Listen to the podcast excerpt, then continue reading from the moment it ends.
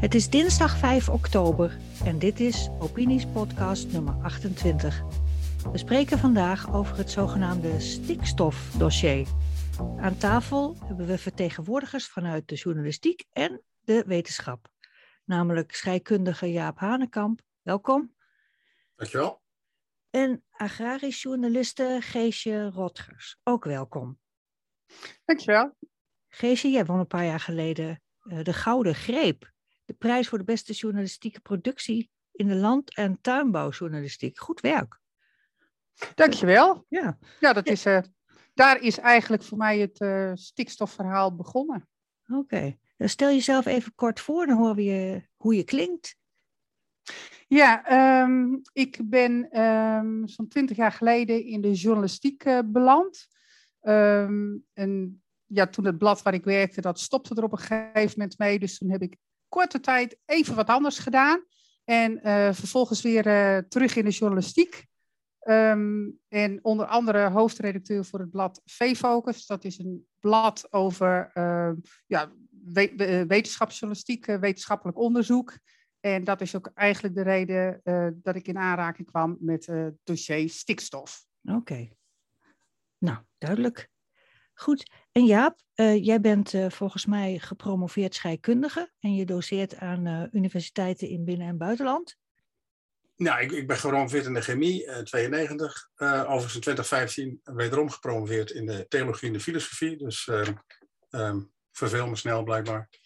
um, ik geef les aan een van de university colleges in Nederland en, en ben verbonden aan UMass Massachusetts, een universiteit in Amerika.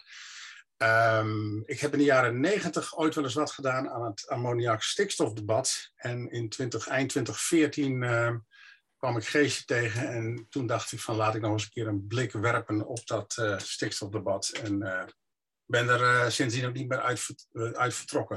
Ik ben nog lid geweest van de Adviescollege Meten en Berekenen Stikstof, een van de twee stikstofcommissies ingesteld door het ministerie van Landbouw. Dus um, ik kan wel zeggen dat ik er nu wel een beetje wat vanaf weet. Ja, dat zo klinkt het in elk geval wel.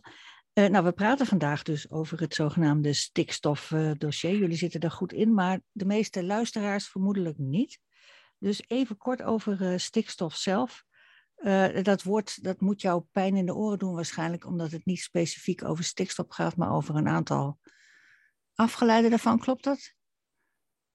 Ja, het gaat, uh, men noemt het nu allemaal stikstof, maar eigenlijk gaat het over stikstofverbindingen, waaronder Mhm. ammoniak. Voor de landbouw is uh, ammoniak een hele bekende soort stikstof.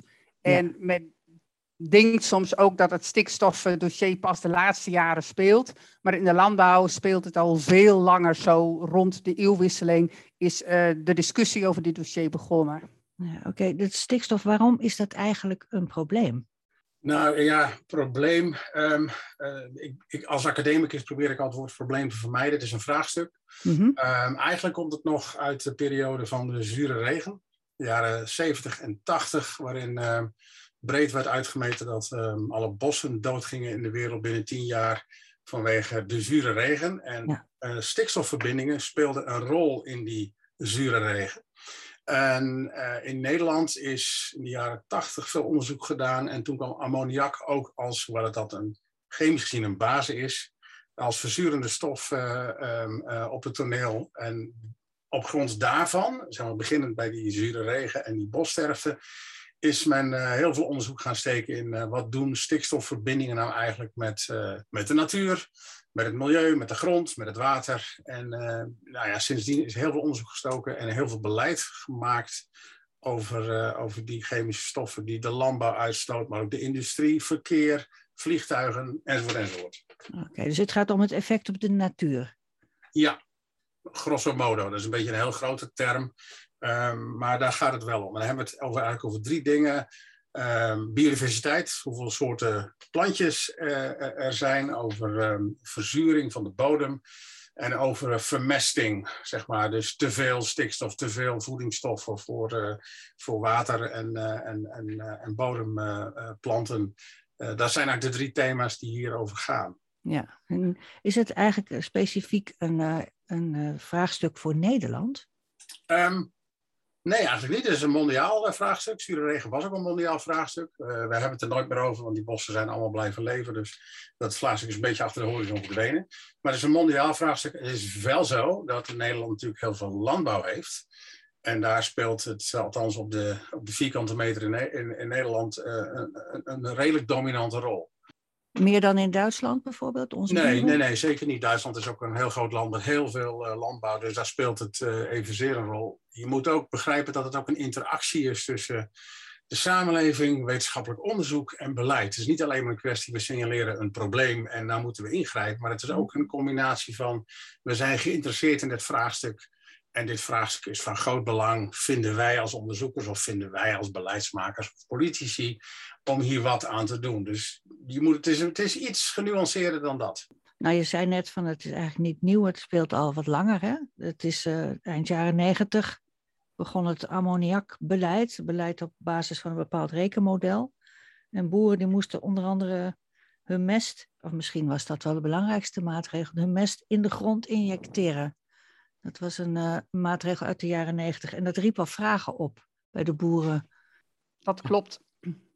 Ja, uh, het, uh, het, vraagstuk be begon eigenlijk bij de boeren die graag de mest boven de grond wilden uitrijden. Dat waren wat je nu noemt de biologische boeren, de krenkloopboeren, de extensieve boeren. En dat deden zij onder andere ook voor de weidevogels. Um, en zij signaleerden toen al dat um, doordat die, die mist geïnjecteerd moest worden, dat dat de afname van de weidevogels zou hebben veroorzaakt. Da daar begon het uh, eigenlijk mee. En vervolgens uh, bleven er heel veel vragen komen of die maatregelen wel hielpen. Nou, eerst moest die mist natuurlijk geïnjecteerd worden. Mm. Later moesten de stalaanpassingen komen. Dus het waren best wel kostbare maatregelen. Ja. En boeren willen dat soort maatregelen best doen als ze er maar effect van zien. Maar dat effect bleef gewoon uit, want men, uh, men heeft wel, uh, wel voortdurend of continu de ammoniakconcentratie in de lucht gemeten, van hoeveel ammoniak zit er in de lucht. En men zag eigenlijk dat uh, na tien jaar beleid die ammoniakconcentraties in de lucht eigenlijk niet minder werden. Terwijl die rekenmodellen een, een, een, enorm groot effect hadden uitgewezen. Van nou, die maatregelen die de overheid heeft ingesteld waren ontzettend effectief. Alleen uit de metingen bleek dat niet. Dus daar zijn die, ja, dat riep vragen op waar eigenlijk uh, geen antwoord op kwam. Ja, en het is eigenlijk nog een beetje zo, de dag van vandaag zijn op die vragen van twintig jaar geleden eigenlijk nog niet echt antwoorden gekomen. Oké, dat was op een gegeven moment voor jullie de reden om te zeggen, of nou, laat ik zeggen, eerst voor, uh, voor Jaap Hanekamp. Om... Ja, dat was in de jaren negentig. Heb ik toen uh, ooit voor, een, uh, voor Stichting Heidelberg Piel Nederland een ammoniakrapport geschreven. Dat was 96. Um, overigens speelde toen nog, dat is heel interessant, zeg maar, de, de bossterfte een grote rol. Iedereen dacht van, nou ja, als we zo doorgaan, gaan alle bossen dood in de wereld. Ja. En daar was het ammoniakbeleid toen de tijd, dat was uh, interimwet vee, ammoniak en veehouderij, die was daar ook meer of meer op, op te sturen van we moeten voorkomen dat al die bossen doodgaan. Dus we moeten heel veel luchtvervuiling reguleren. En daar is toen aan de hand van het rapport dat ik geschreven heb een, uh, een, een, een nieuwspoort in 96 of 97. Een, uh, een dag geweest waarin allerlei organisaties bij elkaar kwamen. Oké, laten we dit verhaal nou eens met elkaar bediscussiëren. En ik kan me nog goed herinneren ik was toen ziek, dus de, de, voorzitter eh, van Stichting Han heeft toen de honneurs waargenomen voor mij. dat het verhaal over die bossterven binnen vijf minuten van tafel was. Dus iedereen was helemaal perplex dat die discussie heel snel verdween eigenlijk. En waar het op neerkwam was biodiversiteit. Nou ja, sinds die tijd spelen dus biodiversiteit, vermesting en dat soort dingen een, een, een hoofdrol. Maar het begon ooit allemaal met die, met die bossterfte. Ja, de zure regen. En die was gewoon. precies. Hoe is die nou verdwenen dan? Uh, nou, die bossen gingen niet dood. Uh, de, voorspelling was, de, de, voorspelling was in de jaren, eind jaren 70, begin jaren 80. Ja, dat ken uh, Dat we een ecologisch Hiroshima over ons uh, hadden afgeroepen. Dat werd ook echt zo genoemd. De Spiegel had een prachtig artikel in 86, geloof ik. De ecologische Hiroshima heet dat. en er werd gewoon voorspeld over tien jaar zijn alle bossen weg in de wereld. Ja, heel en, alarmerend. Heel alarmerend. Dat was een soort uh, uh, klimaatdoom uh, 101, zou je kunnen zeggen. Toen ja. werd al uh, van de daken geschreeuwd van, dit gaat helemaal fout. Maar ja, die bossen deden het verder prima in de wereld. Dus die discussie was heel snel ook weer verdwenen, omdat de voorspellingen gewoon ja, niet uitkwamen. Overigens, het restant van die discussies, zuurregen, stikstof, verbindingen uh, enzovoort, enzovoort, die zijn gebleven. Maar dat verhaal waar het vandaan kwam, dat is in feite uh, verdwenen. Ja, ja. Oké, maar in, in, in 2015 komt uh, opnieuw de vraag op bij, uh, bij jou, denk ik, Jaap? Van, van... Nou, bij Geesje. Geesje oh, bij Geesje, de aanstichter van, uh, van deze... Ja, um, ik uh, werkte toen al een aantal jaren voor, uh, voor V-Focus. En uh, ik werkte veel samen met wetenschappers. De V-Focus, dat was een blad. Dat werd op een wat ja, luchtige wijze geschreven over wetenschappelijk onderzoek. Dus ik werkte ook nauw samen met een hoop wetenschappers. vooral ook over het beleidsondersteunende onderzoek. Dus dat mm -hmm. vind ik ook wel mooi, zo heette dat, onderste beleidsondersteunend onderzoek. En ik zag dus ook wat er gebeurde als uit onderzoek iets kwam wat het beleid niet ondersteunde. Dus daar gebeurde daar gewoon de gekste dingen en die wetenschappers lieten mij dat ook zien. En zo uh, raakte ik dus ook betrokken bij onderzoek wat gewoon aantoonde dat dat rekenmodel uh, er behoorlijk naast zat. Uh, nou, dat was voor mij reden om gewoon dieper in de metingen te kijken. Ik doe vrij veel data-analyses. Mm -hmm. um, en ik heb dus ook gekeken van, nou ja, waar kun je gewoon het ammoniak aan meten. Dus dat werd al sinds het beleid werd gemeten hoeveel ammoniak zit er in de lucht. Nou, die metingen waren toen de tijd heel lastig te vinden.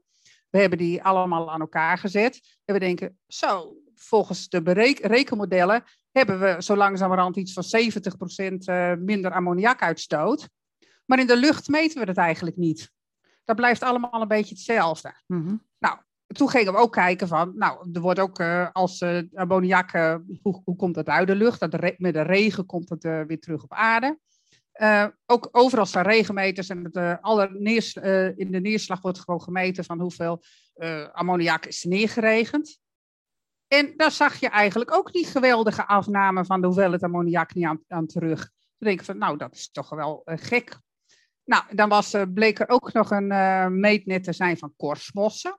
Aan, aan korsmossen kun je ook zien van, hebben we hier te maken met ammoniakminnende soorten of ammoniakhatende soorten. Mm. Dus er is al heel lang een meetnet is ervan. En die trend kon ook de trend die dat rekenmodel uitrekende gewoon niet volgen. Dus dat is, dat is wel een beetje vreemd. Van drie verschillende meetnetten met metingen, die geven gewoon een ander beeld dan dat rekenmodel. Nou, daar ging dus ook die serie over die ik gepubliceerd heb, die, waar ik die journalistieke prijs mee uh, heb gewonnen. Mm -hmm. Maar dit soort tips kreeg ik dus ook aangereikt vanuit Wageningen, want sommige mensen hadden dit uh, ook wel gezien. Kijk, en over dit soort dingen krijg je natuurlijk dan eigenlijk geen publicaties, want dat zet vraagtekens bij het beleid. Dus uh, dit soort dingen komen ook eigenlijk niet in rapporten. Dus uh, daar hebben we een jaar over gedaan. Met een paar mensen hebben ermee geholpen. Om gewoon die publicaties uh, te krijgen. En, van, publicaties van, van metingen? ja, we hebben zeg maar de, de metingen naast de modelberekeningen gezet. In verschillende mm -hmm. publicaties. Om aan te tonen van wat het model berekent, dat beleidsmodel. Dat blijkt gewoon niet uit de metingen. Dus daar is het mee, mee begonnen. En dan heb je dat naast elkaar gezet van hé, hey, die modeluitkomsten, dat is niet wat we terugzien in de praktijk. Dan krijg je de volgende vraag, hoe komt dat? En toen kwam Japen dus uh, bij. Dat was uh, eind 2015, denk ik, hè?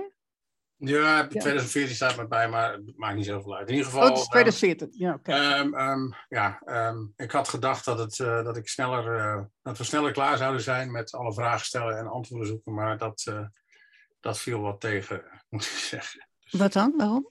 Nou, eigenlijk, kijk, laat ik zo zeggen, als, als er wetenschappelijke publicaties um, ergens zijn, in rapporten of in, uh, in, uh, in tijdschriften, dan um, is, het, is het de gewoonte dat uh, de ruwe data die zeg maar, gebruikt worden om een studie te doen, dat die beschikbaar zijn. Dus de eerste vraag die wij gesteld hebben aan Wageningen, was een simpele vraag. We willen graag die bemestingsmeetdata hebben.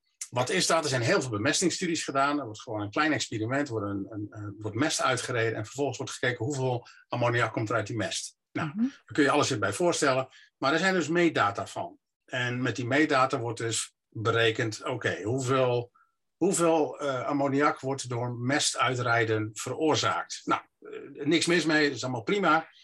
Maar toen bleek tot onze stomme verbazing dat wij eigenlijk meteen tegen een dichte deur aanliepen. Dat ze, nou, die meetdata die krijg je niet.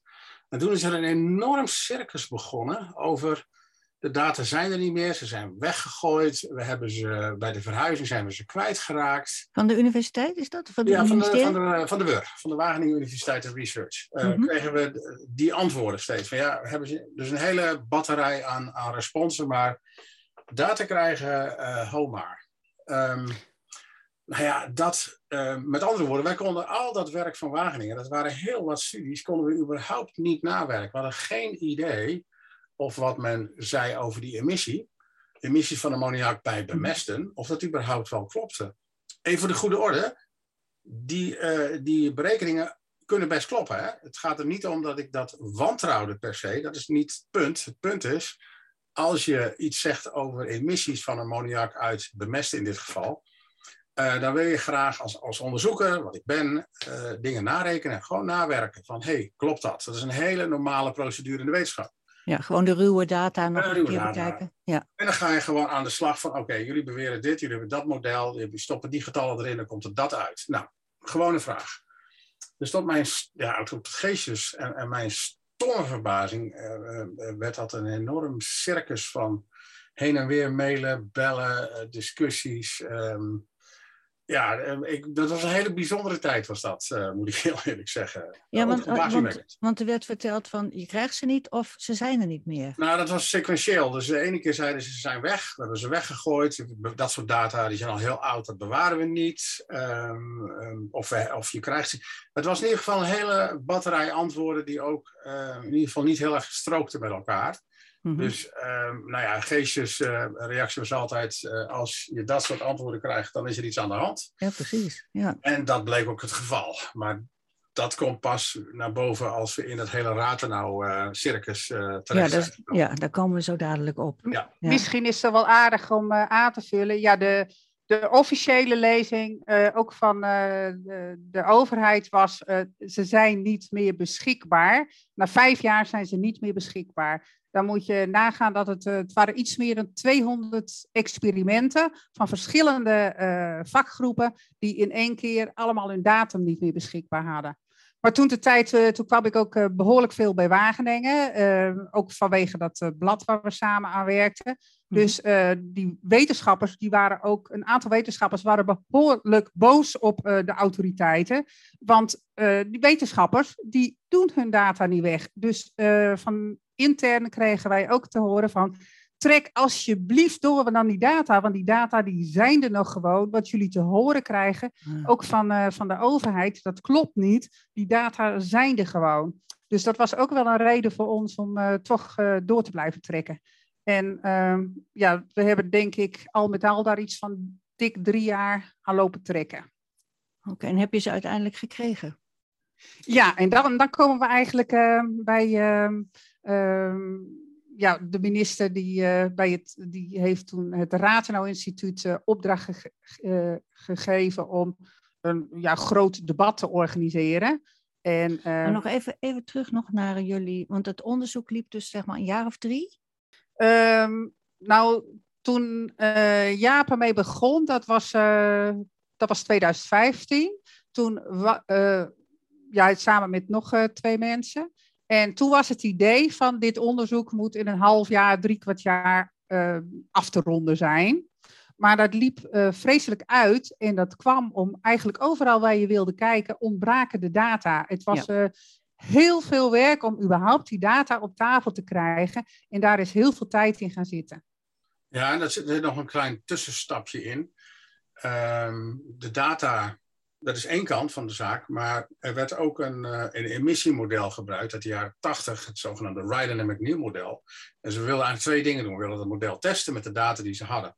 Nou, na veel vijven en zessen kregen wij wel een aantal datasets van uh, um, ammoniakemissie voor eigenlijk niet relevante experimenten. Hm. Maar dat deed er even niet toe. Met die data konden we op zijn minst kijken of hoe het model uh, functioneerde. Dat is een klein ehm, zoals dat zo mooi heet, back of the envelope model, wat onderzoekers in Wageningen al heel lang gebruikten. Nou, daar hebben we al wel over gepubliceerd in een internationaal tijdschrift in 2017. Aha. Waar ook al heel veel storm uit voortkwam, omdat wij voor het eerst zagen dat de onzekerheid die het model zelf genereert, elk model bevat onzekerheden. Dat is niet erg, die moet je alleen rapporteren. Mhm. Maar toen bleek dat uh, uh, alle onderzoeken die Wageningen gedaan had, nooit die onzekerheden gerapporteerd te hebben. Er werden gewoon precieze getallen, emissiegetallen genoemd. En dat hebben we sowieso altijd al vreemd gevonden, want dat kan helemaal niet. Elk model heeft zijn eigen eigenaardigheden, zijn problemen. Dat is op zich geen probleem, maar je moet het wel melden. En dat is tot aan 2017, wij zijn de eerste geweest die gezegd hebben van nou, er zit een behoorlijke spreiding in de resultaten van het model. Nou, dat alleen al veroorzaakte heel veel ellende en gedoe. Hm. Want wat, voor, wat voor ellende?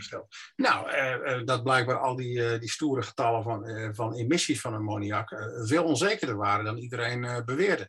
Sterker nog, die onzekerheden werden überhaupt nooit genoemd. En er werden gewoon precieze getallen genoemd. Zoveel ton in, in, die maand en zoveel ton emissie in die maand. Die werden gewoon met uh, met grote precisie genoemd, alsof die onzekerheden gewoon niet bestaan. En die had, dat had jij beschreven in een artikel? Ja, in een wetenschappelijk artikel in 2017 gepubliceerd. Het publiceren zelf was al een hele tour, want dat was nog niet zo simpel om dat te doen, want niemand zat te wachten natuurlijk op dit soort kritische reflectie. Hmm. Um, maar dat alleen al veroorzaakte heel veel gedoe, omdat wat de, wat de overheid dankzij de wetenschappelijke instituties publiceerde, uh, was veel te nauwkeurig. Dat kon helemaal niet. Dat was eigenlijk uh, een precisie die niet bestaat. Ja, ongeloofwaardig dan. Ja, dat is in feite ongeloofwaardig.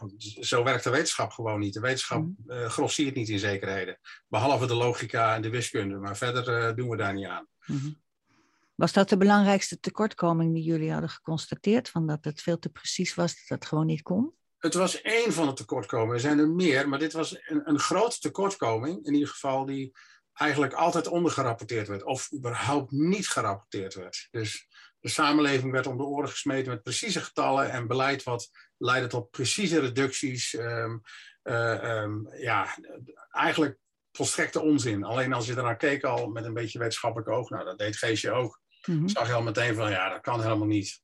Ja, en dat uh, zeg maar, jullie ontmaskerden als het ware de, het systeem wat werd gebruikt voor de, de ammoniakbeleid bracht dat ook politieke storm teweeg?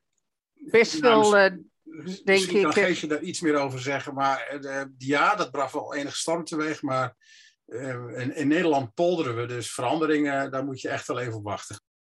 Kijk, wat er, wij publiceerden wat we aantroffen naar eer en geweten. wat je wel zag naar die publicaties. Kijk, uh, het sudderde natuurlijk al heel wat jaren, zeker in de landbouw, dat men zag uh, dat men het idee had, die modellen die kloppen niet. Want wij zien in de praktijk niet terug wat uit die modellen komt. Dus iedere keer als wij weer een publicatie klaar hadden en het ging naar buiten, uh, ook die wetenschappelijke publicatie van Jaap of een journalistiek artikel van mij, um, dat leidde geregeld tot kamervragen. Dus dat werd wel gelezen. Um, de, ja, het, het, zorgde wel voor wat, uh, wat ophef. Uh, zeker ook in de landbouw, maar ook in de, ook in de politiek. En ook in de natuurwereld natuurlijk, want uh, mm. die, was er ook min, die was er weer minder blij mee. Dus het werd wel gelezen. En er werd er ook over gesproken in de Tweede Kamer? ja, ja, er werd uh, ook over gesproken. Of in ieder geval, er werden Kamervragen over gesteld. En er werden uh, vragen over beantwoord. Uh, en je hebt natuurlijk ook eh, debatten over dit beleid. Waar ook geciteerd werd uit onze stukken. En vervolgens, jij, je gaf het al even aan. minister Schouten, minister Carola Schouten, die vond het nodig om iets te gaan doen op dat vlak. ja, Minister Schouten die uh, stuurde op een gegeven moment een brief naar de Kamer. Ja, wij, wij, lezen dat soort dingen ook in uh, de media. Dat zij opdracht gaf om een groot ja, stakeholder debat te organiseren. Een dialoog noemde zij dat. Um, om ja, de verhoudingen in stikstofland te verbeteren. Zodat er weer wat vertrouwen kwam bij allerlei partijen onder het beleid. Dat was in ieder geval het doel. vertrouwen in het beleid weer herstellen. En was de aanleiding daarvoor wat jullie hadden geschreven in, uh, in je artikelen en in uh, de wetenschappelijke publicatie? Uh, er was behoorlijk wat kritiek al jaren op het stikstofbeleid. Dus verschillende partijen die droegen daar gewoon aan bij. En verschillende partijen die publiceerden daar ook over. Kijk, en wij waren daar één van. Oké, dus vervolgens komt de minister die zegt, nou, er moet een, een maatschappelijk debat komen. Werden jullie ook uitgenodigd? Tot onze verrassing werden uh, Jaap en ik uh, ook uitgenodigd. Um, en uh, ja, het was ook de bedoeling dat er, er ook over allerlei waarden gesproken werd. natuurorganisaties zouden aanschuiven, boerenorganisaties, overheden. Ehm, een he hele groep van organisaties zou daaraan deelnemen. Dus Jaap en ik waren eigenlijk wel wat verrast dat wij daar ook aan mochten schuiven. Nou ja, als deskundige, daar kan je iets bij voorstellen, toch? Ik denk het wel. Uh, uh, ja, maar aan de andere kant, het was natuurlijk een, uh, een typisch Nederlandse georganiseerd debat. Dus iedereen die enigszins zich betrokken voelt of waant of weet bij dit, dit debat, werd daarvoor uitgenodigd. Dus een, een typische polderbenadering. Mm -hmm. En, en wetenschap speelt er natuurlijk maar een fractie. Wetenschap bepaalt lang niet alles en dat is maar goed ook. Um, dus in die zin uh, voelden we ons allebei misschien een beetje vreemde eend in de bijt, alsof wetenschap alles bepaalt. Maar dat had nog een staartje, zoals uh, later zal blijken. Dus uh, op zich prima, maar ook verbaasd. Zijn jullie ingegaan op de uitnodiging? Wij hebben ons keurig afgemeld dat wij ons gewoon niet de partij achten om hier aan te schuiven. Om ook over de belangen en waarden en dergelijke te, te spreken. Ja, daar gaan vonden wij dat wij daar niet over gingen. Wij hebben wel aangeboden dat uh, als het over een dispuut gaat, het wetenschappelijke dispuut waar wij op dat moment uh, tegenaan liepen, dat wij best daarover aan tafel wilden met uh, de wetenschappers die daarbij betrokken waren. Dus zeg maar de juiste onderwerpen op tafel die voor ons relevant waren. Met de juiste mensen aan tafel. Kijk, als je met ons alle natuur- en belangenorganisaties aan tafel schuift, ja, dan heeft het nog niet zoveel zin. Dus dat hebben we wel aangeboden. Um, nou, toen gebeurde er eigenlijk iets uh, uh, vreemds. Uh, wij hadden dus, dus afgemeld. Um, vervolgens bleek dat dat niet kon. dat, we ons, dat we in overleg moesten met de minister. Want die had die, dat georganiseerd. En wij konden onze wensen kenbaar maken aan de minister. Dus toen dacht ik al, zo, bemoeide de minister zich al tot op dit detailniveau over dit soort dingen. Dus je mocht niet afzeggen? Je mocht niet afzeggen. Ik, we konden niet afzeggen bij degene die ons uitgenodigd had. Nee. Nee. Dus toen hebben wij een aangetekende brief uh, naar de minister gestuurd. En uh, ik heb het antwoord hier toevallig, ik heb hem even opgezocht in, in mijn archief. Dat mm -hmm. is van 16 januari 2018. En daar staat ook in in uw brief geeft u ook aan alleen bereid te zijn tot een gesprek als de juiste onderwerpen op tafel liggen en deze met de juiste personen worden besproken. Uh, de verkennende startbijeenkomst heeft juist als doel om gezamenlijk over vorm en inhoud van de dialoog te besluiten. Dus zeg maar om samen met de natuurorganisaties en uh, de allerlei andere belangenverenigingen over de vorm van de dialoog te besluiten. Uh, nou, vervolgens of we toch uh, alsjeblieft uh, onze afzegging wilden heroverwegen en wilden af aansluiten. nou, toen hebben we dus maar weer een keurige brief teruggestuurd van ehm, nog eens een keer ons standpunt herhaald dat het niet aan ons is om mee te praten over de waarden en de belangen, maar dat we openstaan om een gesprek te voeren over het wetenschappelijke dispuut waar we op dat moment tegenaan liepen. Gingen ze daarop in? tot mijn verrassing uh, werd ik toen, naar aanleiding van onze brief, gebeld. En er werd toen gevraagd, in ieder geval toen telefonisch, of we alsjeblieft ons standpunt wilden heroverwegen en aansluiten. Dus toen heb ik nog een keer onze brief uitgelegd en waarom we dit zo vonden. En, um, en toen kwam het verzoek, wil je wat je net zegt, uh, nog eens even op schrift zetten. Nou, toen stuurden we eigenlijk voor de derde keer ons dezelfde brief op van dit, dit, hier zijn we toe bereid, maar hier doen we niet aan mee. Uh, en toen is het al ietsjes langer uh, geleden. Ehm, toen werd er volgens mij een tijd stil, toen hoorden we niks. En op een gegeven moment werd er weer opnieuw getrokken. Dus of, jullie, toch, eh, of jullie toch nog bij het debat aanwezig wilden zijn. Ja, Deel wilden Dus nemen. wij, wij hebben verschillende keren herhaald van alleen onder deze voorwaarden willen we het doen. Eh, we hebben iets van zeven keer af moeten eh, melden. Oh, Eh, en toen kwam het bericht, eigenlijk even kort verteld, oké, dat doen we zoals jullie het willen. Oké, dus er was een soort onderhandeling waar je in eh, beland was. Kennelijk, kennelijk, maar dat hadden we niet. Nou, ja, mis- onderhandeling. Nou, wij, hadden heel snel, eh Geesje en ik, overeenstemming van eh, hier kunnen we niet aan meedoen, omdat het helemaal geen meerwaarde heeft voor, voor ons of het debat zelf. Mhm. Wij zien fundamentele problemen in het wetenschappelijk discours. Die zijn zo fundamenteel dat als die niet getackeld worden, dan is de rest eigenlijk een zinloze exercitie. Dus op dat standpunt hebben we ons eh, vastgehouden. Dus ja, onderhandelen. Ik heb nooit de indruk gehad dat we onderhandeld hebben. We hebben gezegd van, nou ja, er zijn zulke fundamentele vragen liggen in het wetenschappelijk discours. Die moeten eerst maar eens bediscussieerd worden voordat we überhaupt ergens anders over kunnen hebben. Nou, dat was ons standpunt. Einde verhaal. En we hadden nooit gedacht dat ze daar uiteindelijk op in zouden gaan eh, vanuit het Raad en nou en vanuit het ministerie. Oké, dus toen kwam er toch een, een wetenschappelijke eh, bijeenkomst. Ja, vertel jij het, Jaap? Ja, graag. Nou, jij, jij zit er nog iets beter in dan ik. Eh, ik heb op een bepaald moment gewoon gemeld eh, aan de poort eh, eh, op de dag zelf. Maar het was dus de bedoeling om inderdaad met EVM en eh, eh, met, eh, met de WUR, eh, de twee hoofdrolspelers in het, eh, ammoniak, eh, het wetenschappelijk ammoniakdiscours, bij elkaar te gaan zitten. dus er was Eh, een instituut en een eh, universiteit. Ja, klopt. Eh, een overheidsinstelling en een universiteit eh, Mhm. die eh, heel erg voornamelijk verantwoordelijk zijn voor de data en het onderzoek wat LNV nodig heeft om het ammoniakbeleid, of het stikstofbeleid moet ik zeggen, te voeren. En ehm, nou ja, eh, uiteindelijk aan tafel geschoven. We hebben ons standpunt uitgewisseld over waar onze kritiek lag. Ehm, daar hebben we best nou, diepgaand en diepgravend over gesproken. Lang niet overal antwoorden op gekregen.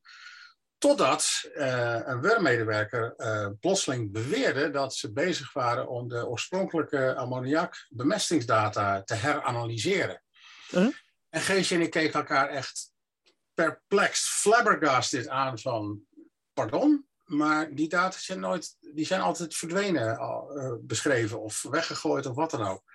Dus wij zijn er meteen als een, als een, eh, ehm, als een bok op de havenkist gesprongen van, wacht even, wat, wat bedoel je hier precies? Kun je dat even uitleggen? En de, de, beste, de beste man, eh, eh, overigens valt hem niks te verwijten hoor, die eh, gaf dodelijk aan van ja, we, we zijn gevraagd voor een heranalyse met deze data en ehm, daar zijn we nu mee bezig. En toen heb ik meteen gevraagd, maar die data, daar vragen we al drie jaar om, Ja. die wil ik ook hebben. Want daar willen we wat mee gaan doen.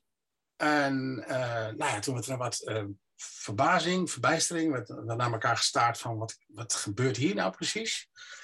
Ehm, eh, nou ja, en, en Gees kan misschien even het vervolg oppakken, want het had nog een klein staartje. Het was nog niet meteen klaar, maar eh, nou ja, dat was in ieder geval een begin van een eh, bijzonder moment.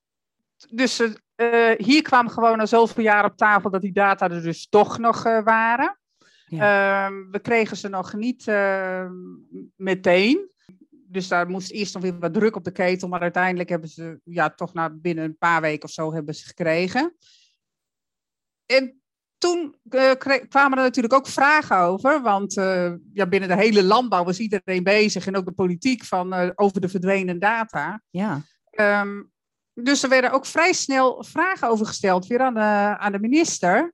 En toen kwam, er, ging er een brief naar de Kamer waarin de minister schreef van ehm, dit zijn de opgewerkte data. Zij hebben om de ruwe data gevraagd. ah, En toen dacht ik, nou moet het niet gekker worden. Want eh, de eerste verzoeken en zo, we hebben gewoon om de data gevraagd. Ook eh, wel zeg maar om, om ruwe data, maar we hebben in eerste instantie gewoon om de data gevraagd. En gewoon om te kijken van wat voor data er zijn. Nou, vervolgens wordt er zo'n draai aan gegeven mhm. van ja, ze hebben om de verkeerde data gevraagd. Nou, iedereen wist heel erg goed welke data wij wilden hebben. Ehm, maar, eh, eh, en dan wordt er gewoon een naam aangegeven van eh, ja, je, eh, we hebben alleen nog de opgewerkte data Mm. en die kun je krijgen. Het was een beetje een Pieter Omzichtje van, eh, de, eh, in, de, in de toeslagenaffaire. Eh, de beste man, Kamerlid, vroeg om een memo, maar het was een notitie. Dus die notitie konden niet krijgen omdat er een memo werd gevraagd. Oh, dat zijn Een beetje in zo'n situatie waren wij verzeild geraakt. We hebben, uh, Geesje en ik hebben overigens een brief opgesteld en ook gepubliceerd, waarin wij uh, in, uh, in heel duidelijke taal weergaven dat de minister hier toch wel een heel bijzonder spelletje speelde. Wat dus gewoon semantiek was en verder niks. Want iedereen wist wat we wilden. En daar was, daar was geen discussie over. Maar ja, het, het, bleek dus inderdaad van, we hadden om een notitie moeten vragen, niet om een memo. Dat was ongeveer het niveau. Hey, dat, dat, dat hele proces wat je nu net uh, beschrijft, hè, met die, uh, het Ratenau-debat en dan de wetenschappelijke ontmoeting. Wat zijn jullie daar vorige week over te weten gekomen? Nou, dat is eigenlijk best wel heel frappant. Um, iemand ja, die we overigens uh, goed kennen, de oude voorzitter van Mestigfonds, die had uh, een WOP-procedure gestart bij het ministerie. En die, die heeft heel veel stikstofcorrespondentie opgevraagd, onder andere over de toestanden rondom dat Ratenau-onderzoek. Oh, so, sorry. Uh, om dat hele Ratenau-debat, het mhm. Ratenau-dialoog. En uit uh, die stukken blijkt dat het hele dialoog georganiseerd werd vanwege onze kritische publicaties. Vanwege jullie kritische publicaties? Ja, ja. in feite, ja. Als, je, als je de stukken goed leest, um, en eigenlijk zijn, is het vrij expliciet hoor, je hoeft er niet erg veel moeite voor te doen zie inderdaad dat uh, zeg maar de, de, de, het hele, de hele circus met alle stakeholders die daarin uh, verzameld zouden moeten worden, was eigenlijk een soort uh, ja, circus stand om ons ook in die circus stand te krijgen. En omdat wij blijkbaar een dusdanige um, verstorende rol speelden in het, in spelen in het ammoniakdebat, dat in feite de bedoeling was, als wij ook mee zouden doen, de hoop was dat wij ons zouden kunnen scharen achter het, uh, het, het landsbeleid rondom stikstof. En um, kijk, Geesje vermoedde het al een beetje. Ik, ik ben um, een wat naïeve onderzoeker. Ik denk van, ach, het zal wel. Um, maar toen ik dit las, dacht ik van, het is toch wel heel erg sterk dat zo'n heel circus wordt opgetuigd voor twee mensen in, in de Nederlandse samenleving, die toevallig is wat links en rechts wat zeggen over stikstof. Dus wilden jullie committeren aan het beleid? Blijkbaar. Misschien, Waar haal je misschien, dat vandaan? Ja? Misschien is het aardig om een uh, klein stukje voor te lezen uit een van uh, die brieven. Uh, er zit een nota in ter advisering aan de minister. En daar staat in, dat is een nota uit ehm, eind 2017, staat in, op 27 november hebben de belangrijkste critici op de wetenschappelijke onderbouwing per brief gemeld niet aan deze verkenning mee te willen doen of onder zeer strikte voorwaarden. Dus wat we net stelden. En dan uh, krijgt de minister het volgende advies. U wordt, uh, die krijgt ja, drie opties voorgelegd waaruit ze kan kiezen. En dan wordt ze geadviseerd te kiezen voor de optie om nog eens flink aan de kritische groep te trekken om ze er toch bij te krijgen. En als dat niet lukt, staat erin, um, als de bovengenoemde groep hier niet op ingaat, dan wordt u gezien, geadviseerd af te zien van de dialoog. Met andere woorden, als zij niet meedoen aan het hele circus, dan kunt u beter maar hiermee uh, stoppen, want dan heeft het niet zoveel zin. Er is dan geen basis om het wederzijds begrip, tot wederzijds begrip te komen. Het staat er gewoon zwart op wit in. Dus, het, dus als jullie niet meededen, had het geen zin? Dat staat er gewoon in. Ja. Ja. Oh, dan ben je ja. best belangrijk. Mm, dat ben ik niet helemaal met je eens. Ik denk dat ik het, uh, dat zou je heel makkelijk kunnen concluderen, dat uh, dat Geesje en ik heel erg belangrijk zouden zijn. Ja. Maar ik denk eerder dat het iets anders speelt. Er kunnen twee redenen zijn. Uh, um, reden één is dat uh, men er zich van bewust is dat het stikstofbeleid veel zwakker is dan iedereen denkt dat het is. En dat wij in feite, dat men dus heel onzeker is over de, de beleids- en de, en de wettelijke positie van het stikstofbeleid in het licht van onze kritiek. Dus het is niet zozeer onze kracht, maar hun zwakte die, uh, die uh, dit soort pogingen blijkbaar in het leven heeft geroepen. Een andere is, en dat is wat, een wat duisterder perspectief, is dat men gewoon geen kritiek duldt, ongeacht of het beleid sterk of zwak is. En dat het dit een poging is om, um, uh, if you can't beat them, join them, uh, of let them join us. Uh, waarmee ze dus een poging doen om in, ons in de, in de tent te krijgen, om ons in dezelfde richting te laten kijken. Maar ja, dat laatste is natuurlijk op zijn minst vreemd, want ja, als je een beetje naar onze cv's kijkt van Geesje en mij, dan weet je dat we dat soort dingen nooit doen. Dus die, dat hadden ze zonder meer kunnen nalaten. maar het idee dat men zo geïrriteerd raakt van, van kritiek uit de samenleving die gefundeerd is, dat baart wel enige zorgen. Ja. En overigens, uh, Pieter Omzicht heeft natuurlijk ook eh, blootgelegd dat op een aantal, op heel wat beleidsterreinen zo de Nederlandse bestuurscultuur in elkaar zit. En dat vind ik nog steeds een hele zorgelijke ontwikkeling, moet ik zeggen. Ja, want op zich, want in het begin zei je, eh, we, gaan, we, we probeerden die data te pakken te krijgen en die kregen we niet. Ook vanuit de Wageningen Universiteit werd het moeilijk gedaan. Dat, zijn dat niet dan ingepakte wetenschappers, om het zo maar even te zeggen?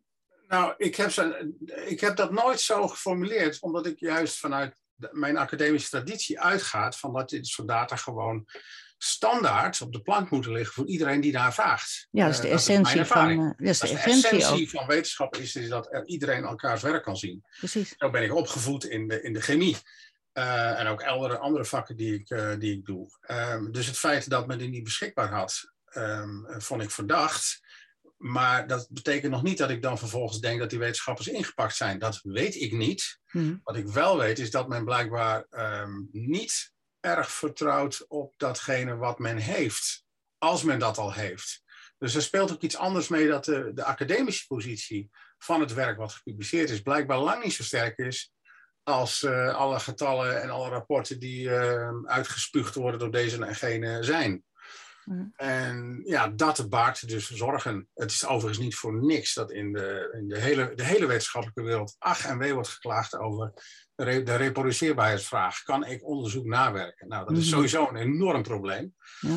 Maar hier is het wel heel pijnlijk duidelijk geworden dat uh, milieuonderzoekers niet graag hun onderzoek willen laten checken door buitenstaanders. Ja, ja jullie hebben de vinger op de zere plek uh, gelegd. En, het is ook nog wel grappig in die hele het zijn bijna 300 pagina's aan correspondentie en stukken die uh, met de WOP op tafel zijn gekomen. Er staat ook nog iets in over die wetenschapper die dus tijdens die bijeenkomst verklapte dat die data er toch uh, nog waren. Mhm. Dan zie je daar in een mail van het ministerie uh, aan iemand anders binnen het ministerie. Binnen, Wur zal, binnen Wageningen zal er nog wel een pittig gesprek zijn over de mededeling van, en dan is er een naam weggelakt, dat was voor iedereen een verrassing. Kijk, in plaats van dat uh, die wetenschapper gewoon uh, uh, beloond wordt omdat hij gewoon correct vertelt van wat hij in huis heeft voor data, dan zie je hier een interne mailwisseling van het ministerie dat zo iemand een pittig gesprek krijgt, omdat hij dat heeft medegedeeld tijdens een wetenschappelijke bijeenkomst. Ja. Nou, dit is uh, wel de omgekeerde wereld. Ja, hij zou een lintje moeten gehad hebben. Ik bedoel, uh, Precies. buitengewoon sympathiek dat hij dat gewoon verteld heeft, zonder enige gêne ook. En zo hoort het ook. Dus ik heb ook geen enkel uh, kritische noot naar de beste man. maar daar wordt dus inderdaad in de, in de academie of in de bestuurlijke ja, dus... heel anders over gedacht. Dat is natuurlijk heel vreemd. Ja. Dit is het uh, ministerie, dus interne mail van het ministerie, die uh, praat over een pittig gesprek uh, richting deze wetenschapper van Wageningen. Dat is toch heel raar, want het, het, is een wetenschapper in Wageningen. Wat heeft het ministerie daarmee te maken? Um, hier zie je dus ook dat het ministerie gewoon behoorlijk verweven is met, met dit dossier. Uh, ja, ik heb uh, jarenlang uh, dus gepubliceerd over beleidsondersteunend onderzoek. Ik begreep, mm begon er net al mee. En ik heb ook de gekste dingen zien gebeuren bij onderzoeksuitkomsten die het beleid niet ondersteunen. Kijk, als je onderzoek, beleidsondersteunend onderzoek uitzet, dan kan er ook wel eens iets uitkomen wat het beleid niet ondersteunt. Mm Nou, dat, dat, daar gebeuren gekke dingen mee. Of dat verdwijnt in de la, maar ik heb ook wel eens uh, via een WOP-procedure dat soort onderzoek onderuit de la weten te krijgen. En dan kwam ik er mee aan bij de wetenschappers. Ik zeg, kijk, jullie rapport is openbaar. En dan keek me erin. En dan zeg me, hey, iemand heeft ons rapport bijgesteld. En dat oh. waren zij dan zelf niet geweest. Dat, dat soort dingen bijvoorbeeld. Dus er wordt gemacheld in de, in de rapporten? Uh, ja, ik ik denk niet dat het heel veel voorkomt, maar op dit soort uh, dossiers met grote gevoeligheden, ziek, dit soort dingen, uh, heb ik dit soort dingen verschillende keren zien gebeuren. Ja. ja. Overigens een, een, een, heel groot probleem aan, uh, aan onderzoek wat betaald wordt door, door overheden. Precies. dat zijn vaak financieringspotten waarin geld zit voor een specifiek soort onderzoek. En als je ander, ander onderzoek wilt doen, wat ehm, zeg maar vanuit een ander perspectief gedaan zou moeten worden, ehm, kun je daar het geld gewoon domweg niet voor krijgen. Dus de overheid stuurt dan niet rechtstreeks op het onderzoek en de inhoud daarvan, maar wel op wat voor soort onderzoek er moet gebeuren. Nou, dat is een heel bekend probleem in de wetenschappelijke wereld en in de bestuurswereld, is dat je op die manier onderzoek heel indirect gewoon kunt sturen. Um, en dat maakt het uh, wetenschappelijk onderzoek zelf niet per definitie slecht of zwak, maar wel heel erg duidelijk in de lijn van wat men als gewenst acht. Uh, en dat is sowieso een groot gevaar, uh, denk ik, voor heel veel onderzoeksinstituties. Ja, het wordt ook ongeloofwaardig dan, of in ieder geval onbetrouwbaar. Of ja, je krijgt nou, maar een deel van de feiten te zien. Vooral heel selectief, dat men ja. steeds maar op, dezelfde, op dezelfde manier naar het vraagstuk kijkt. En, en steeds op dezelfde manier antwoorden geeft op de vragen die steeds maar weer gesteld worden. En dat vermeerdert natuurlijk geen kennis. Dat, uh, dan creëer je in feite wetenschappelijke en bestuurlijke tunnelvisie. Ja. En dat is iets wat uh, Geesje en ik heel erg gezien hebben in het stikstofonderzoek. is intense vorm van tunnelvisie. Ja. Worden jullie daar nog steeds over benaderd door ministeries of instituten? Um, kijk, wij onderzoeken gewoon door. Want er, ja, er is nog zoveel onduidelijk op uh, dit dossier. Dus uh, er zijn uh, nadien nog weer verschillende publicaties zijn er geweest. Je merkt wel dat we aardig in de gaten worden gehouden. Maar. In welke zin? Het wordt wel gekeken wat je doet. Um, af en toe krijg ik zelfs wel eens een belletje van iemand van de overheid. van kan ik je nog ergens mee, mee helpen? En waar helpen. ben je mee bezig? Hmm. Ja, helpen. vaak om, om je gewoon, ja, men meldt zich dan van om je van dienst te zijn, maar ondertussen denk ik, waarschijnlijk wil men weten waar ik precies mee bezig ben. Hmm. Ja, maar dat mag. Eh, in die zin is Geestje een stuk belangrijker dan ik, want ik word nooit gebeld over niks niet. Dus dat scheelt ah. enorm. nou, dat, dat denk ik maar, uh, niet. wat ik wel doe, natuurlijk twee jaar al, bijna drie jaar alweer, is uh, bloggen. Dus ik heb een eigen blog. Mm -hmm. En daar schrijf ik veel over stikstof. Ook zeker naar aanleiding wat Geestje allemaal opduikelt. En ik geef daar mijn, mijn wetenschappelijk perspectief op. Uh, en ik merk gewoon dat uh, zeker de stikstofblogs, die ik ook wel veel schrijf, enorm goed gelezen worden. Aha. En zeker ja. vanuit het Haagse. Dus je ziet gewoon dat men, mijn laatste blog is een open brief aan, aan de minister. Je ziet gewoon dat die enorm wordt gelezen, ook vanuit het Haagse. Dat kan ik dan toevallig wel zien, hoewel ik dan niet weet wie het in Den Haag is. Dat kan ik natuurlijk niet zien. Nee. Um, maar ja, je ziet dat, um, dat angstvallig um, en met grote uh, belangstelling en interesse wordt gevolgd uh, wat ik daarover schrijf. Dus ja. in die zin ja, worden wij, nou ja, in de gaten houden. Dat klinkt zo dramatisch, maar worden we wel op de voet gevolgd, om het zo maar ja. Ja, want jullie, ja. Hebben, zeg maar, jullie hebben een aantal tekortkomingen van die modellen aangetoond die gebruikt worden in het beleid. Is er sindsdien nou een ander model gekomen? Of is, wat is er eigenlijk gebeurd sindsdien? Weet je dat? Misschien is het wel aardig uh, om te vertellen dat uh, Jaap uh, gevraagd is om deel te nemen aan de zogenaamde commissie Hoordijk, de commissie Meten en Berekenen. En die heeft ook naar het model gekeken. Dus dat zou Jaap er iets over willen zeggen, denk ik. we, hebben dus vooral, we hebben dus eigenlijk primair gekeken naar het zogenaamde ARIES-model, het depositiemodel. Dat is een verspreidings- en depositiemodel. Dus hoe, hoe verspreidt uh, ammoniakverbindingen, hoe verspreiden die zich door de atmosfeer en waar komen ze neer? Mm -hmm. Nou, dat, dat ARIES-model, dat is op zich een, een, een, een, kan bepaalde dingen wel, kan andere dingen ook weer niet. Zoals met alle modellen dat het geval is. Dus we hebben onder andere voorgesteld als commissie om, um, net zoals in de meteorologie, een modellenensemble te draaien. Wat is dat? Je gebruikt meerdere modellen om hetzelfde te doen. Waarom doe je dat? Nou, het ene model kan beter dit doen, het andere model kan beter dat. Je kijkt naar de uitkomsten en je probeert dan te kijken van oké, wat kunnen we met die uitkomsten? Daarom zie je ook al die leuke weerapps op onze smartphones. Uh, er zijn er meerdere, dat sommigen zeggen, nou, het wordt morgen uh, zus en zo weer. En een andere app zegt, nou, het wordt ander weer. Ja. Waarom is dat? Omdat die apps gebruik, gebruik maken van verschillende meteorologische uh, software. Um, en dat doen we in Nederland dus niet. Er is maar één uh, model, het ARIES-model. Dat draait op OPS, dat is een heel oud model. En daar wordt mee gewerkt wat betreft transport en depositie. Nogmaals, ik, je kunt allerlei kritiek hebben op modellen, maar je hebt ze nu eenmaal nodig. Dat is op zich geen enkel probleem. Maar je zou dat aanzienlijk kunnen verbeteren door bijvoorbeeld satellietdata te gebruiken. Dat kan overigens niet bij Arius. Uh, dus moet je een, een modellenensemble, dus een gezamenlijke groep modellen gaan draaien om dat, om dat beter in beeld te kunnen krijgen, die transport en depositie van stikstofverbindingen. Daar ben je ook bij betrokken om dat te verbeteren. Ja, maar dat is tot heden niet gebeurd. En weet je ook waarom niet? Uh, nee, uh, de, de, minister heeft vooralsnog gezegd van nou, daar gaan we voorlopig niet aan beginnen. En dat is wel een beetje begrijpelijk, omdat het beleid zoals het er nu is, sterk geënt is op areas. Dus als je, dat, als je dus in de wetenschappelijke kamp de boel overhoop haalt, moet je ook in de beleidskamp de boel overhoop halen. En dat is wat lastig. Dus ja, want, het, want het, gaat, het, is, het is heel actueel natuurlijk over het onteigenen van boeren, het ja. al of niet bouwvergunningen kunnen verstrekken, vliegvelden in Nederland. Ja. Ik weet niet wat er allemaal aan, aan vastzit. Is precies het probleem ook, is dat het model nog steeds wordt gebruikt alsof het met grote precisie iets daarover kan vertellen. Ja.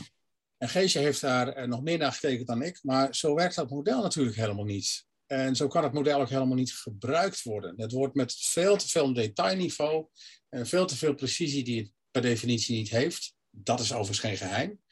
Maar op grond daarvan worden wel boeren, uh, uh, verkeer, uh, wegenaanleg, vliegvelden afgerekend op, op het model zelf. En dat is natuurlijk een heel groot probleem. Ja, dus het is een zwak fundament. Waar, waar ik nu, of de laatste, laatste jaar vrij van kijk, dat is naar de natuur zelf.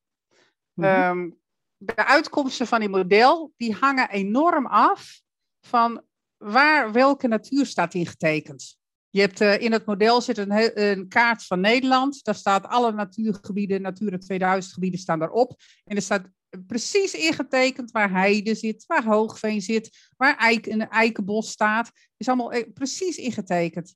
En sommige soorten natuur die kunnen prima tegen stikstof. Veel bossen, dat maakt eigenlijk niet zo heel veel uit.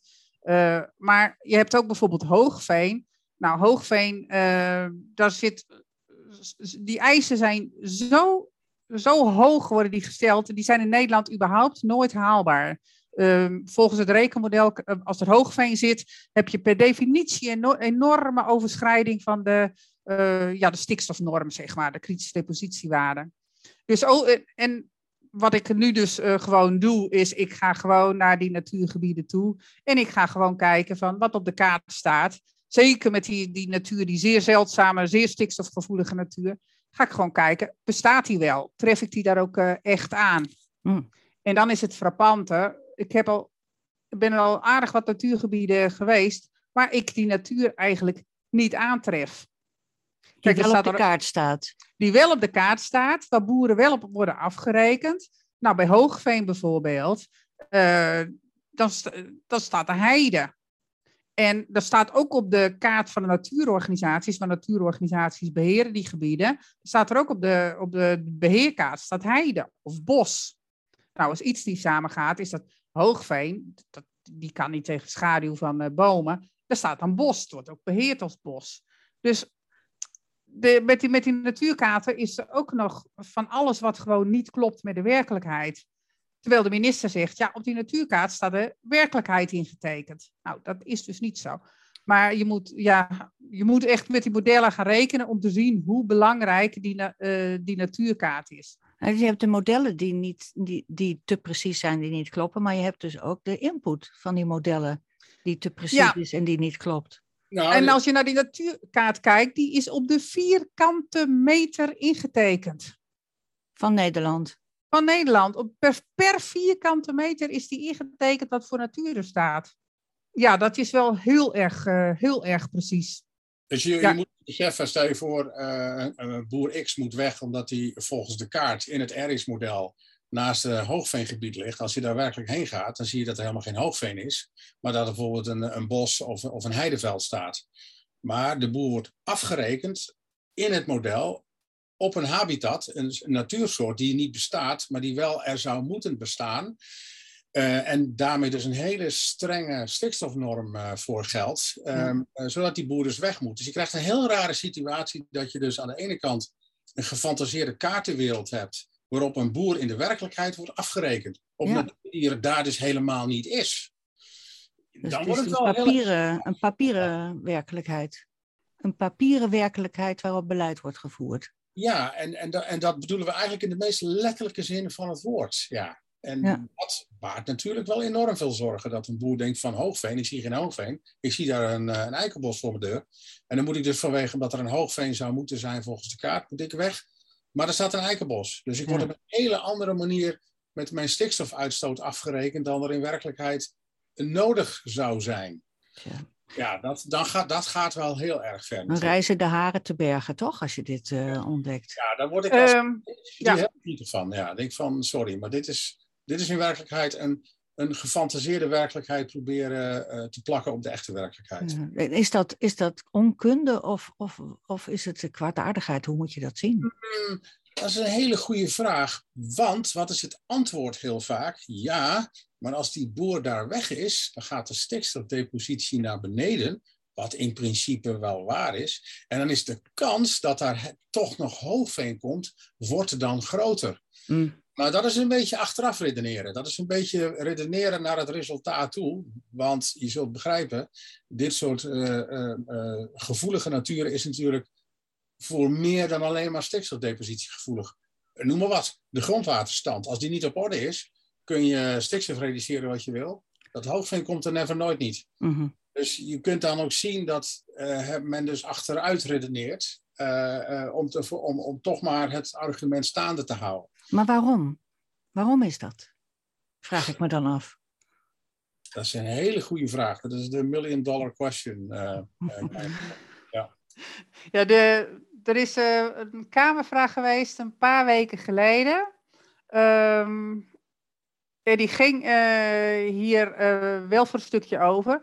Uh, en toen zei de minister van, um, we hebben bepaalde natuur aangewezen. Dat is zo rond 20 jaar geleden is dat gebeurd. Mm -hmm. um, en, het, en, en, dat mag niet afnemen, want zo gauw een bepaalde soort natuur afneemt, dan kunnen wij het verslichteringsverbod niet handhaven. Zeg maar, dan, dan, eh, dan ontstaat er een juridisch probleem. Het, er is een, Nederland heeft de regels kennelijk zo opgetuigd dat uh, het aantal vierkante meters dat ingetekend staat van hoogveen, dat is nu ongeveer 11.000 hectare. Ook al wordt het in werkelijkheid minder en komen de bossen en heide op, dan mag je geen 10.000 hectare van maken, want anders is de hoeveelheid hoogveen is verslechterd, dat is afgenomen. En dat kan niet, wat gebeurt er dan? Dan gebruiken we de oude kaart. En dat kan niet omdat er dan procedures komen of zo, juridische procedures? Ja, dan, dan komt er, ontstaat er een juridisch probleem. Ja. Ja. En, wie, gaat dan die juridische dingen aan de vork steken dan? Is, is dat een belangenorganisatie of zo? Of is dat de Brussel? Of, eh, wat dat wordt, niet, wordt niet helemaal duidelijk uh, uit, uh, uit die Kamerbrieven, maar kennelijk uh, kun je dat zien, een afname. Kijk, er mag alleen maar natuur bijkomen. Zo gauw er een bepaalde soort natuur iets afgaat, dan ontstaat het juridische probleem. En ja, je hebt pas een probleem als iemand dat je juridisch aankaart. Maar goed, als je nu ziet hoe milieuorganisaties um, alle modelfouten zeg maar, nu aangrijpen om vergunning onderuit te krijgen. Maar dat is eigenlijk wat ze doen. Ze wijzen op die onzekerheden in modellen. Um, ik kan me voorstellen dat dat soort organisaties uh, dit ook aangrijpt. Nou, er komt heel wat, uh, um, ja, ik zou bijna zeggen, uh, een poep naar boven als je, als je erin roert. Want er komen ja. ja heel veel dingen die niet kloppen die, die hebben jullie aan het licht gebracht in feite door gewoon eens te kijken naar uh, wat is die ondersteuning van het beleid eigenlijk. Heel wetenschappelijke ja. manier. En wat zo jammer is op dit hele dossier, kijk, als alles maar transparant was, dan hadden er gewoon uh, tien jaar geleden al veel meer mensen naar gekeken en hadden die fouten eruit kunnen zijn. Maar daar zit gewoon een heel groot probleem bij de transparantie. Kijk, uh, ik word geregeld gebeld door mensen die zeggen: hoe zit het met de, de natuurkaart van het natuurgebied bij ons in de buurt? Is die goed ingetekend? Mensen kunnen hun natuurkaart niet eens controleren, want die, die wordt aangeboden in een type programma waar eigenlijk niemand mee kan werken. Ach. Ja. Ze worden dus niet, zeg maar, je verwacht de provincie is verantwoordelijk, dat provincie gewoon duidelijke kaarten op zijn website heeft staan, zodat iedereen die kan controleren. En ook nog de vorige versie van de kaart, zodat iedereen kan zien waar natuur is omgezet in iets anders. Ehm, maar dat kan sowieso niet. Zo gauw er een nieuwe kaart komt, gaat al het andere gaat offline. Ehm, en je kunt die oude kaarten kun je nog aankomen met heel veel moeite. Maar dan moet je wel kunnen werken met uh, GIS-programma's. Nou, en dat, dat zijn maar heel weinigen die dat, uh, dat kunnen en doen. En dan moet je ook nog die data weer op zien te scharrelen. Nou, toevallig heb ik het gekregen, maar heeft wel weer heel veel moeite gekost. Dus het is allemaal, waar je ook kijkt, het is niet transparant. Als het transparant was, had je dit soort dingen er allemaal niet in. Nu komt het pas naar boven, wanneer iemand gaat kijken. Tweede Kamerleden heb ik ook besproken van eigenlijk zouden wij, net zoals in Amerika, een uh, Data Quality Act moeten hebben. Gewoon een wet die zegt van als um, beleid gebruik maakt van wetenschappelijk onderzoek, wat mag en wat kan, dan moet alles van dat onderzoek wat gebruikt wordt in dat beleid, moet gewoon openbaar beschikbaar zijn. Dus de hele toestanden, de modellen, instellingen van modellen, de parameters van de modellen, de data die gebruikt zijn. Uh, uh, dus alles. Alles moet gewoon online downloadable zijn, zodat mensen daar zelf mee kunnen spelen. Nou, daar zijn we in Nederland nog heel ver van af. Want het lijkt erop dat bestuurders niet heel veel zin hebben dat er allerlei pottenkijkers uh, in hun uh, postvakje uh, kunnen kijken. Nee, dus je hebt echt het idee van dat de wetenschap wordt gebruikt of misbruikt voor, ja, voor bepaalde politieke doelstellingen. Nou ja, ik zou het niet weten, want ik kan het niet zien. Nee, je, nee, je kan het niet bewijzen. Nee, nee, ik weet het gewoon niet, want ik kan het niet eens zien. En, en wat Geesje net aanhaalt, van dat oude kaarten offline worden gehaald, is natuurlijk een, een, een godspe. Dat hoort niet, want die kaarten moeten gewoon ergens apart op een URL staan van, oh ja, als ik naar 2010 wil, dan moet ik de kaart van 2010 gewoon op kunnen halen en gewoon kunnen kijken. Nou, dat is nog lang niet aan de hand. En dat zou eigenlijk standaard moeten horen. En eigenlijk bij alles waar uh, wetenschappelijk onderzoek of andere technische informatie uh, aan de orde is. Ja. Hebben jullie nog een beetje vertrouwen in dat hele stikstofbeleid? Uh, nee, want, um, en dat heeft een hele simpele reden. er moet nog heel veel werk verzetten om heel veel wetenschappelijke vragen opgelost te hebben. Mm -hmm. En die zijn oud, die vragen. Die spelen al 30, 40 jaar. En die, die moeten opnieuw um, geanalyseerd en bekeken worden. Dus vooralsnog uh, het idee van als wij stikstofemissies reduceren, dan reduceren we depositie en dan gaat de natuur bloeien. Dat is een uh, beetje zo, een, een, een vreemdsoortig argument wat uh, überhaupt het nooit zal halen. Nee. We doen wel net alsof. We doen wel net alsof dat waar is. En dat is wetenschappelijk voorkomen onverdedigbaar. Ja. Heb je nog wel vertrouwen in de wetenschap? In Nederland? Eigenlijk altijd wel, want je, je ziet gewoon Kijk, er zijn altijd idioten zoals ik en zoals Geesje, om het zo maar te mhm. zeggen. Die zeggen van nou, uh, laten we eens even de binnenkant van het uh, zwarte doosje bekijken. Uh, dus er zijn altijd wel personen die de moeite nemen om te kijken van nou, we willen nou eens weten, precies weten hoe van de hoed en de rand. Dus ja, eigenlijk wel. Um, alleen de instituties die zeg maar drager moeten zijn van al die kennis, die hebben nog een, wel een, een flink stuk in te halen richting transparantie en en, en dergelijke om überhaupt hun werk ook stevig te doen laten staan. En daar zijn we nog niet. Nee, dat is nog uh, toekomstmuziek. Ja. ja, zeker, zeker. Nou jongens, het is een ingewikkeld dossier met heel veel consequenties voor veel mensen, maar jullie hebben daar een, uh, een heel veel over kunnen vertellen. Het, is heel, uh, het was heel interessant ook, vond ik, om te horen ook ja, hoe er dan vervolgens door de politiek op jullie wordt gereageerd. Dat is wel heel verhelderend. Vonden wij ook. Ja, ja. Uh, we gaan hier nog steeds, uh, we gaan hier zeker nog meer van horen, uh, verwacht ik. ik wil jullie heel erg bedanken voor dit gesprek. dankjewel Jaap en dankjewel Geesje. Graag gedaan. Graag gedaan. Dit was de podcast van Opiniescom. Opinies met een Z. Voor de nieuwste bijdragen en columns over politiek en maatschappij in binnen- en buitenland. Het is helemaal gratis